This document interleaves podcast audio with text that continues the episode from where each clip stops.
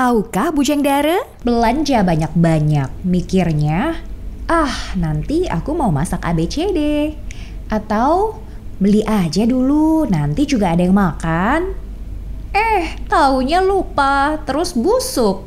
Atau kebelet mau bikin menu ABCD, eh sayurannya keburu basi karena nggak sempat diolah. Jadi mubazir dan kebuang deh. Atau nih, yang suka kejadian, kepincut sama diskon atau promo beli dua gratis satu di supermarket. Eh, begitu buka kulkas, nggak ada tempat lagi, penuh sama persediaan bahan makanan yang belum habis. Tahukah Buceng Dara, supaya kita dihindarkan dari menumpuk bahan makanan di kulkas, kita bisa lakukan empat kebiasaan ini. Pertama, luangin waktu 5 menit aja untuk buka kulkas, buka lemari dapur, buka ruang penyimpanan stok bahan makanan sebelum memutuskan ke supermarket, ke pasar, buka e-commerce jual sayur online.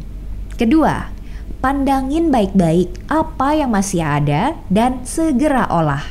Ketiga, pantang belanja dulu sebelum bahan di dapur dan kulkas habis.